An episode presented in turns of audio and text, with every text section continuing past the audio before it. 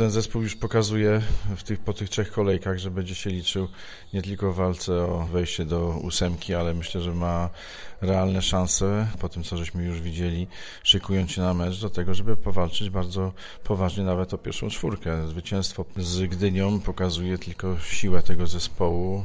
Myślę, że to nie jest niespodzianka, tylko po prostu tak to będą wyglądały te mecze w tym roku. Poziom lekko się obniżył ale generalnie daje to szansę dzięki przepisom, które w tej chwili istnieją, że te zespoły z dołu przy zakontraktowaniu dobrych graczy zagranicznych i dobrych Polek każdy będzie miał szansę wygrać u siebie i trzeba się nastawić na bardzo ciężki mecz. Jest bardzo fajnie prezentująca się Kanadyjka na pozycji rozgrywającej. Pod koszem mają 1,90 chyba bodaj 5 wzrostu. Jest zawodniczka z Konga, jest Amerykanka taka 4-3, jest Ukrainka, są dobre Polki, Stankiewicz, Osowska, Stankiewicz wiadomo, nieobliczalny gracz potrafiący zdobyć 20 parę punktów w meczu, jest Osowska rażąca rzutem za 3 punkty, jest dobrze ograna z pozycji U23 przechodząca z Bydgoszczy Wiktoria Zasada, która ma już za sobą kilka sezonów w pierwszej piątce i myślę, że to świadczy o tym, że potencjalnie ten zespół będzie groźny. No i